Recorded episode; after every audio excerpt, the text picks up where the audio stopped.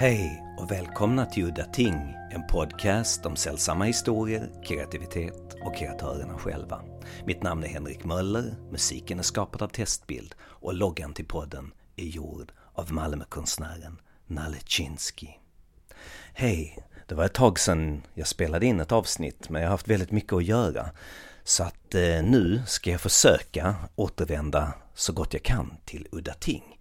Och dagens avsnitt ska handla om hur fiktion, fiction, kan alltså användas i undervisning för att skapa förståelse för världen och hur den kan skapa nyfikenhet för kunskap och öppna upp för en större förståelse för världen. Men också om lärarens roll. Den exemplariska läraren och den icke-exemplariska läraren som använder fiktionen för att styra sina elever för sitt eget nöje och kanske eventuellt att göra dem till sina ägodelar.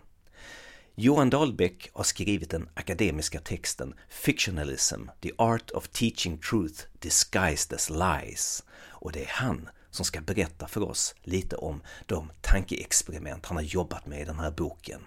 Varsågoda! Utgångspunkten eh, för mig var liksom lite grann ett tankeexperiment och tänka att men om jag tar den här idén på allvar att vi eh, som människor behöver hitta sätt att komma igång när vi liksom eh, står i en position av att sakna stabil kunskap. För att vi ska kunna agera moraliskt i världen så behöver vi olika, vad han kallar praktiska postulat, saker och ting som vi tar för givet. Det kan vara en sån sak som eh, själens odödlighet eller Guds existens eller eh, den fria viljan. Vi kan aldrig empiriskt bevisa eh, huruvida de finns eller inte, men, men han menar att vi behöver utgå ifrån dem för att sen kunna göra saker. Hans Wanger går vidare i det här egentligen kan man säga, för han menar att det här sättet att tänka använder vi precis hela tiden. Vi, vi sätter upp saker och ting som vi är osäkra kring och som vi kanske till och med vet är felaktiga, men vi behöver dem för att komma vidare. Och då blir jag jätteintresserad av hur det, liksom, hur det fungerar i pedagogiska situationer där, där vi tänker oss å ena sidan att vi vill söka efter mer stabil kunskap, vi vill inte lura elever till falska föreställningar, men vi saknar också eh, en massa kunskap hela tiden, så vi behöver sådana här liksom tillfälliga sätt att komma igång. Och då började jag leta hos mig själv liksom efter olika exempel på hur det där spelar in och vad, vad det kan vara för någonting. Uh, och, och ett sätt att tänka kring det skulle kunna vara då att, som, att, att vad är det att vara en bra lärare eller en, en så kallad exemplarisk lärare? Jo, men det skulle kunna vara min förmåga att använda mig av fiktioner som igångsättare och fiktioner som då måste Å ena sidan måste de liksom peka i en riktning mot kunskap. De kan liksom inte peka i, i, i en riktning mot mindre kunskap, utan de måste peka i en riktning mot mer kunskap. Men de måste också tilltala dem som jag på något sätt eh, vänder mig mot. Så det måste vara fiktioner som på ett eller annat, på ett eller annat sätt är lockande eller, eller stimulerande att liksom interagera med. Jag kan ta det från början. Jag fick i uppdrag att recensera en bok. Den här boken handlade om eh, transformativ pedagogik, det vill säga hur man förändras genom pedagogiska relationer. Och den här författaren använde egna exempel för att, för att förklara hur det där går till. Ett av exemplen han använde var en fysiklärare han hade som han menade tilltalade eleverna, det vill säga författaren och hans eh, kamrater, som om de redan vore fysiker. Och det medan han gjorde att de kunde sträva efter att nå den kunskapen trots att de inte var fysiker. Och så försökte jag liksom fundera om jag hade varit med om något liknande och så hade jag väl inte riktigt det. Däremot så var jag med om en, om en sak när jag slutade i nian. Eh, då hade jag en engelsklärare som jag tyckte väldigt mycket om. Eh, som gav mig en bok, en roman och sen så hade han skrivit en kort eh, instruktion på första sidan. Det stod till Johan en bok som har allt. Och sen så gav han mig den utan att säga någonting. Och den boken har jag kvar. Eh, det tog lång tid innan jag läste den. Det var en roman som heter Ragtime.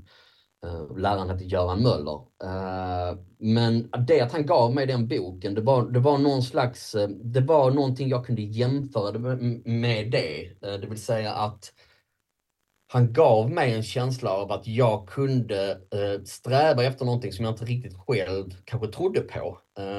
och då så tog jag därifrån till ett annat exempel som jag kommer att tänka på. Det var ett exempel ur, ur romanen Den oändliga historien. Där pojken Bastian, Bastian eh, tidigt i romanen dyker in i ett antikvariat för att komma undan några mobbare. Eh, och så gömmer han sig där inne och då stöter han på eh, antikvarien som har en bok som han eh, lämnar framme så att Bastian ska kunna stjäla den. Det vill säga han ger inte honom boken men han låter den ligga framme så att, den kan, eh, så att han kan ta den med sig. Och det fanns någonting i den gesten som påminde mig om, om Göran Möllers eh, överlämnande av boken utan att säga någonting. Det vill säga att han, han liksom öppnade upp för ett litet mysterium som gjorde att jag ville ta reda på mer, att jag ville sträva efter någonting. Eh, snarare än om någon hade gett mig någonting och sagt att det här är bra för dig att läsa, det här kan ge dig detta och detta och detta och så vidare. Så det var den typen av exempel som jag började eh, gå tillbaka till och försöka arbeta med utifrån den här idén om fiktionalism.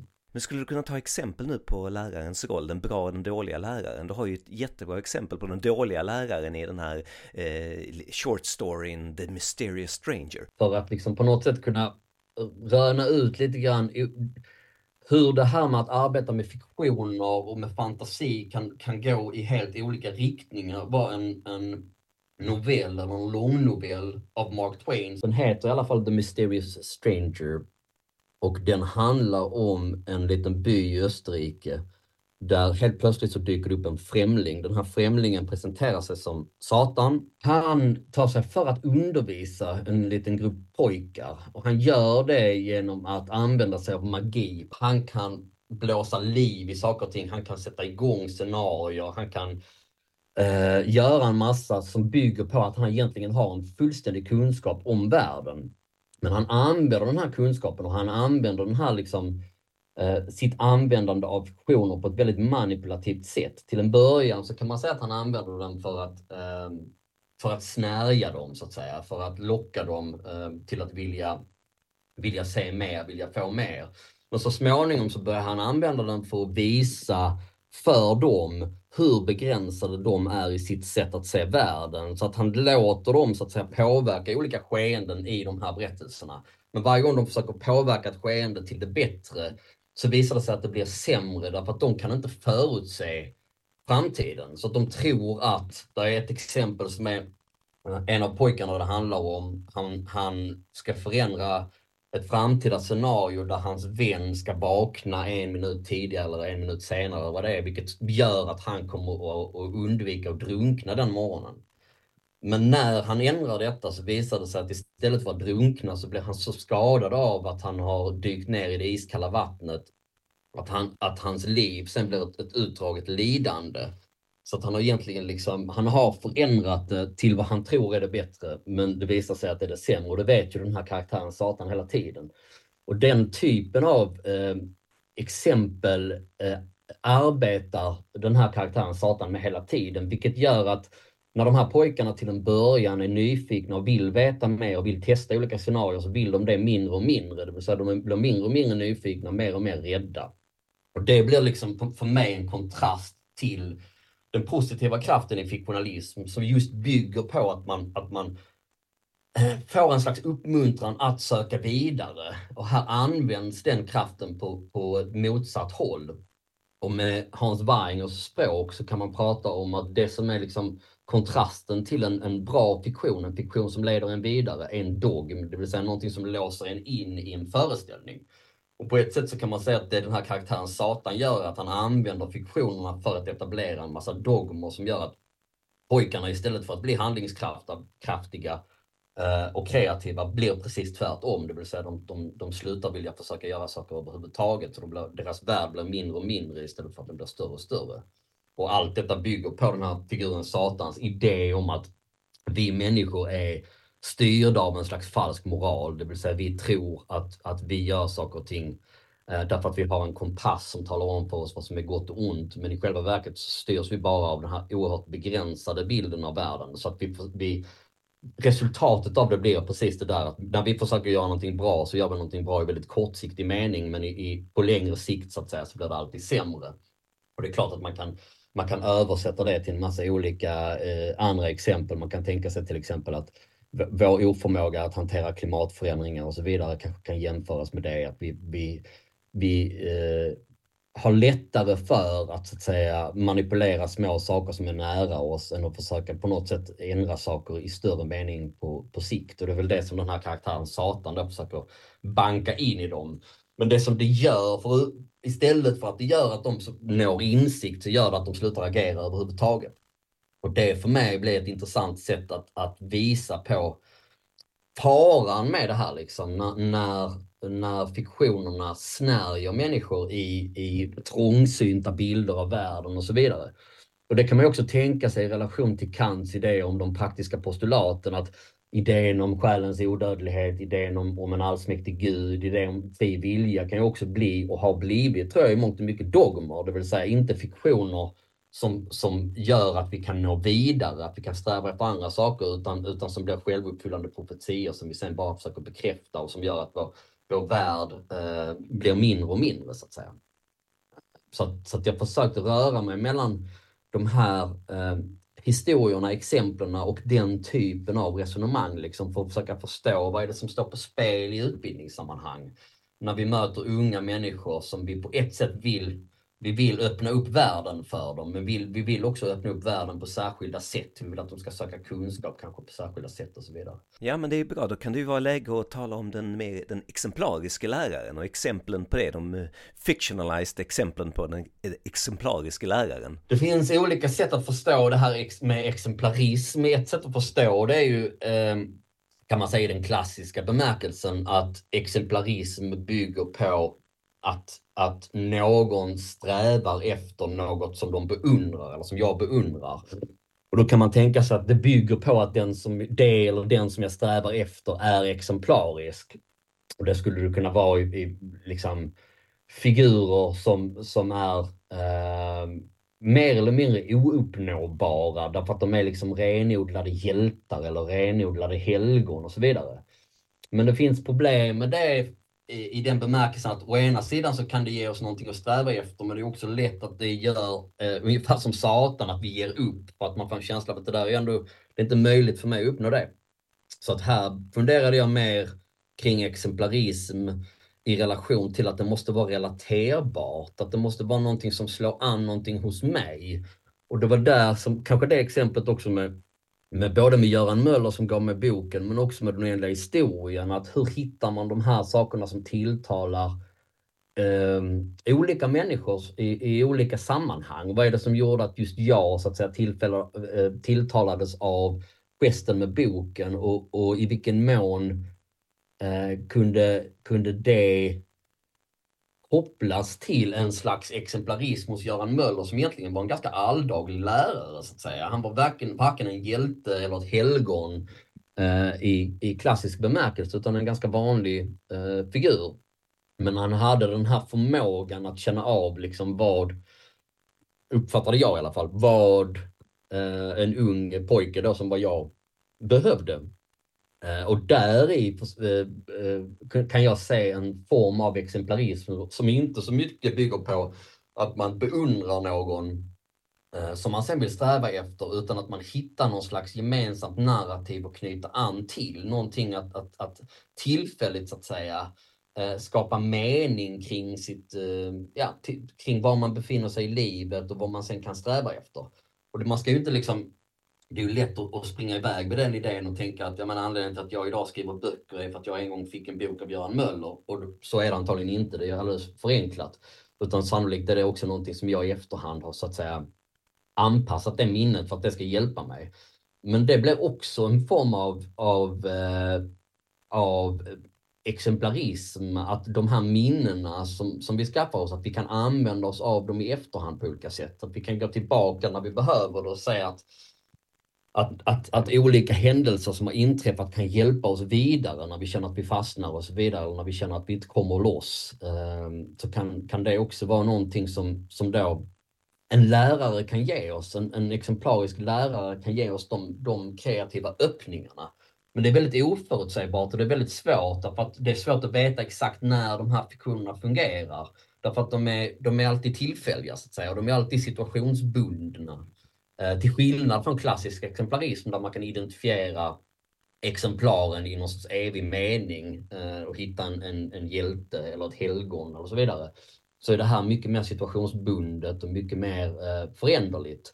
Men, men det ligger också i linje med fiktionalismen, för, för, för fiktionerna är alltid tillfälliga så att säga.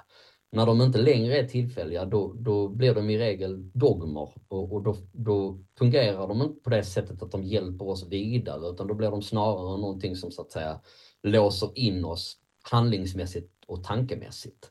Um, så, så för mig blev det en sån nyckelgrej att försöka hitta de mekanismerna som en, en lärare använder sig av för att inte låsa in barn och elever utan för att öppna upp någonting utan att kunna veta vad det är de öppnar upp till. För det tror jag också är en sån vanlig figur att man tänker sig att, att allting är förutbestämt så att säga, alltså att man har en bana uttänkt, men så är det ju sällan. Uh, utan kanske snarare är det så att vi behöver hitta olika öppningar som gör att de barn och elever uh, som, som vi möter som pedagoger vill sträva efter mer kunskap, vill ta sig vidare så att säga. För om de inte vill det, om de inte är nyfikna så är det väldigt svårt så att säga att och, och, och, och med konstruerade medel göra det. En sak som jag tänkte på eh, med tanke på att förstå världen och sånt där, det är ju den vetenskapliga aspekten liksom. Eh, present moment awareness, liksom. Vad är det som händer runt omkring oss just nu med partiklar och kvantfysik och sånt där. Och eh, den aspekten att de flesta som ger sig in i science helt enkelt, de sysslar med bara science. De har inte läst humaniora oftast. Liksom. De har saknat de här moraliska och etiska perspektiven på det hela och att det slutar då oftast med att science används till liksom Eh, entreprenörskap och att tjäna pengar. Men det du talar om utbildning i dess korrekta, eh, eh, alltså klassiska bemärkelse är att lära sig mer om världen.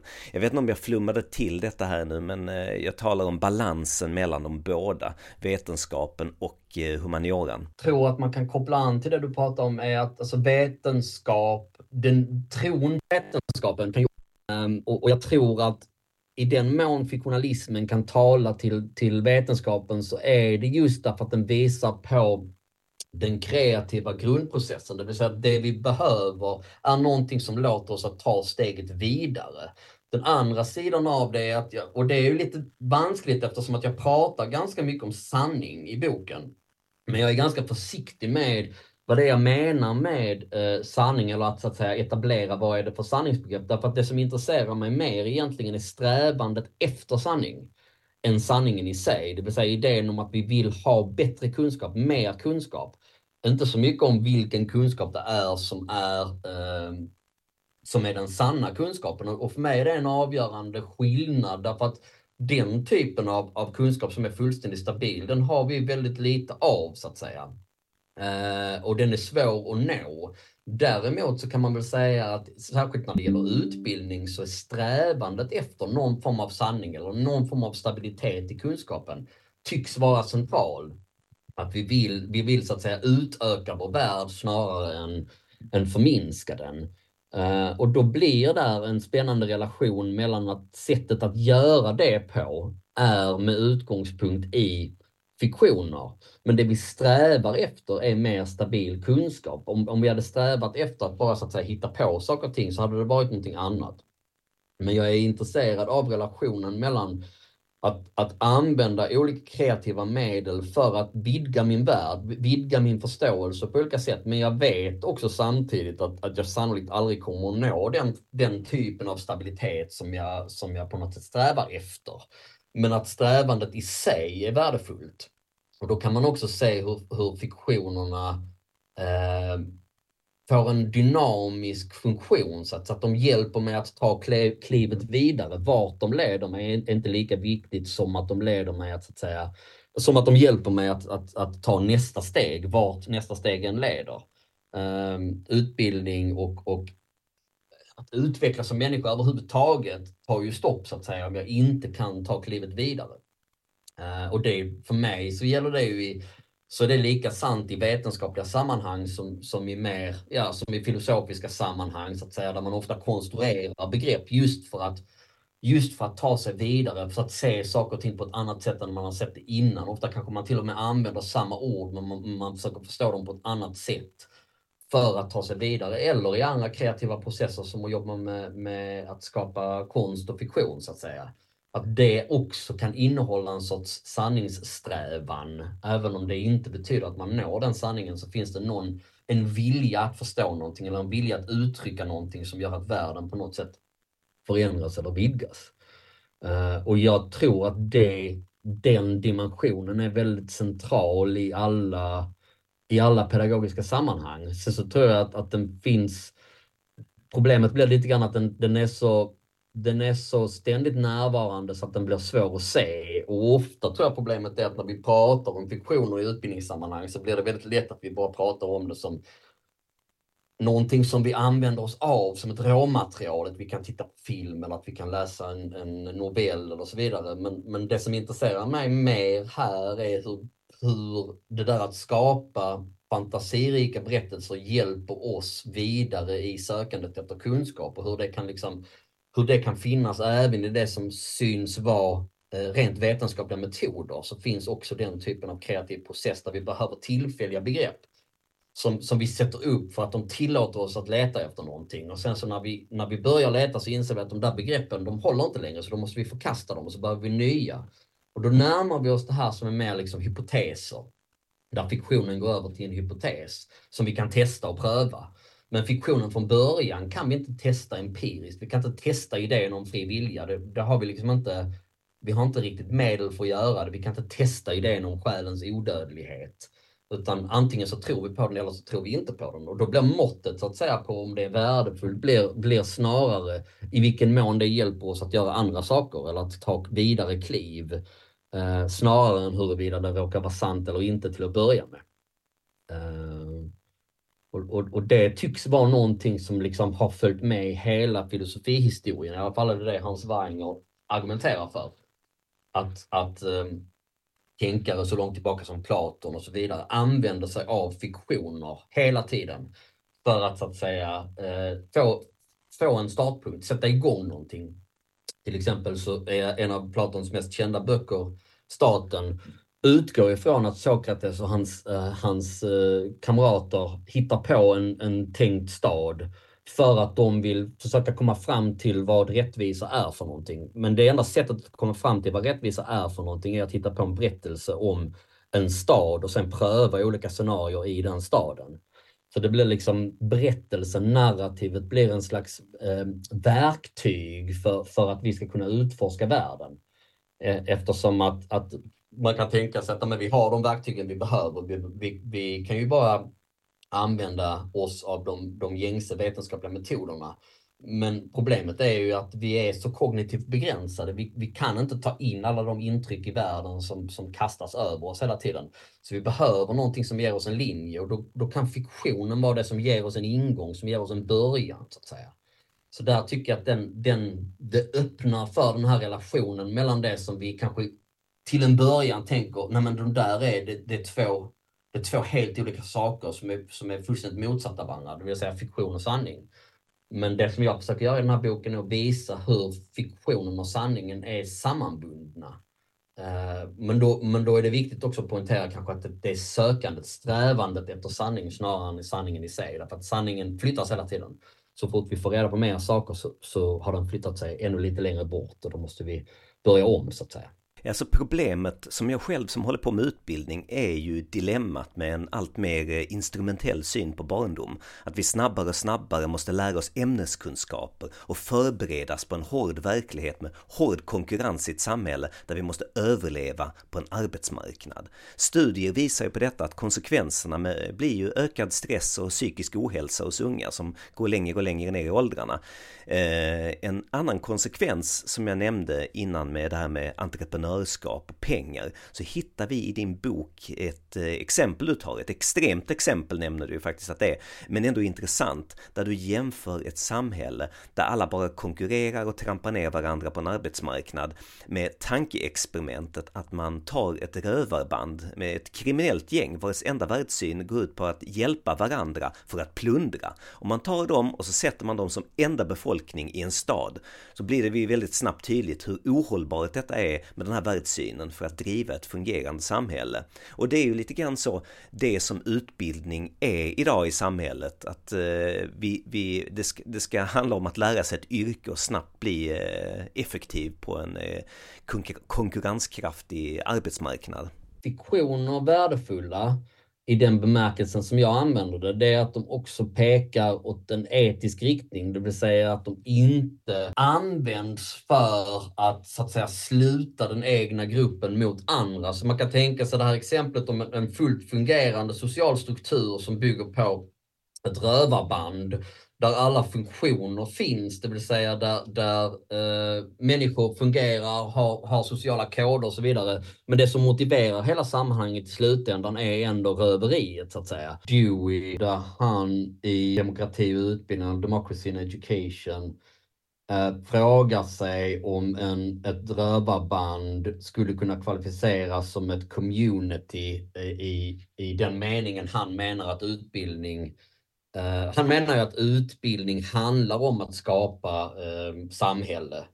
Och då kan man tänka sig att ett rövarband är ett exempel på ett litet samhälle som fungerar. Skulle det då kunna räknas som utbildning? Svaret på det blir, blir nej eftersom att det som motiverar det här rövarbandet är eh, saker och ting som ställer dem i kontrast till allting utanför.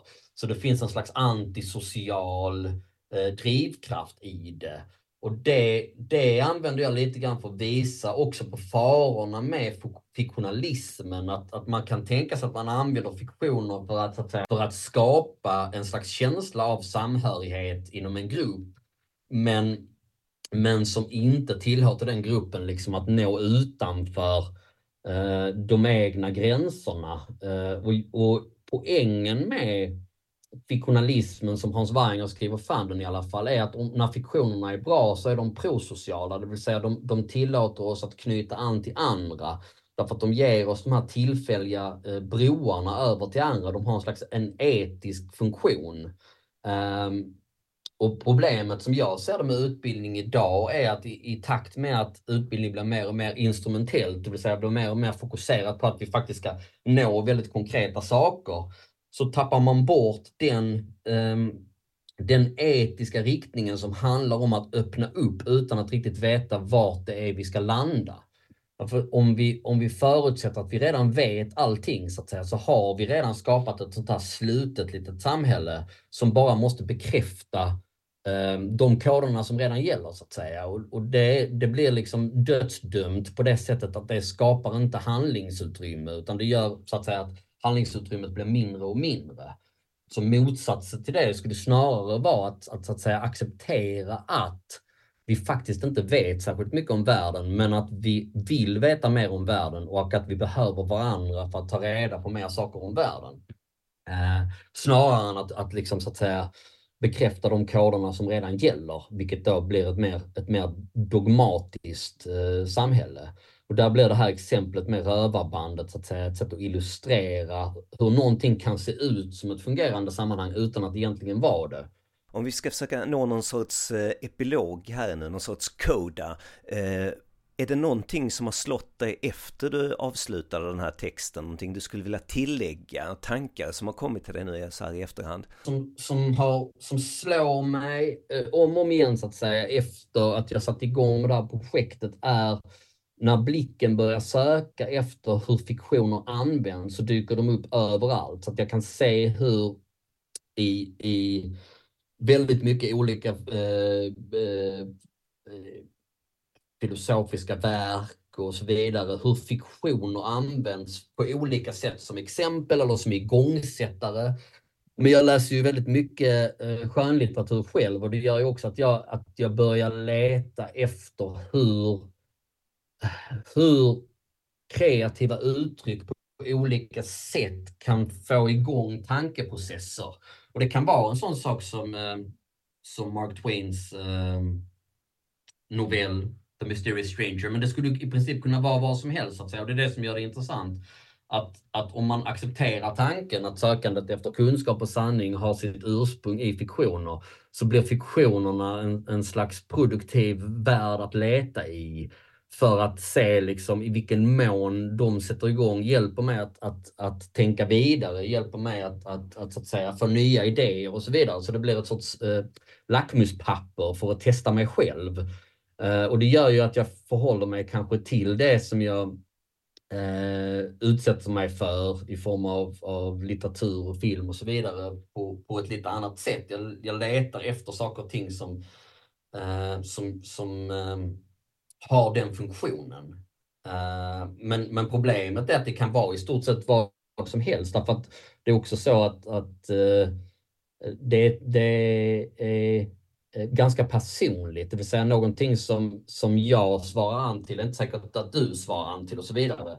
Så svårigheten i ett utbildningssammanhang blir ju att hitta någonting som inte bara på något sätt resonerar med en själv utan också kan resonera med andra. Har du något exempel på någon berättelse du har läst genom tiderna som inte är upp, eh, tas upp i den här texten? Liksom någonting som du tänker att ah, den här berättelsen innehöll spännande idéer som fick mig att tänka. Mikael Ende som skrev den eller historien skrev ju också boken Mormor och kampen om tiden.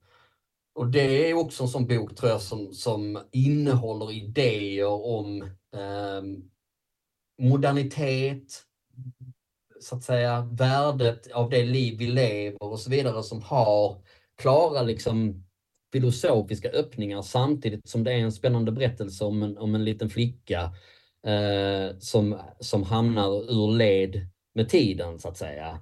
Eh, och vad det säger om, om det moderna samhället och även om den, om den speglar ett samhälle som har förändrats sedan den boken skrevs någon gång i mitten på, senare, mitten på 1900-talet så, så är väl det den typen av berättelse så att säga som både skapar en slags spegel för den världen vi lever i men som också ställer frågor som öppnar upp för liksom att tänka kring de sakerna som vi aldrig kommer att, så att säga, vara färdiga med. Det vill säga hur förhåller vi oss till vår ändlighet?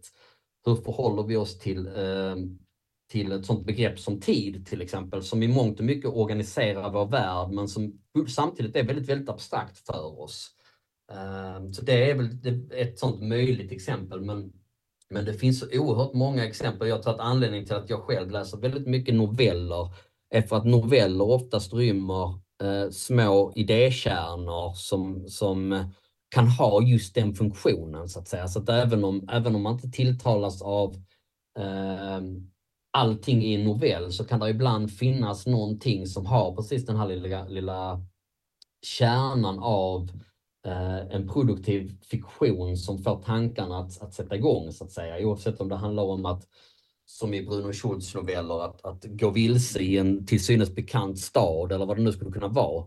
Eh, så får det oss att tänka nytt kring det bekanta eller kring det som vi trodde att vi var, att vi var eh, att vi hade säker kunskap om som helt plötsligt ter sig fullständigt främmande och fullständigt nytt. Uh, och jag tror att det är någonting som, som går att känna igen sig i. så att säga. Jag har bott i samma stad större delen av mitt liv, men ibland händer det saker som gör att, någonting, att det ter sig fullständigt främmande för mig.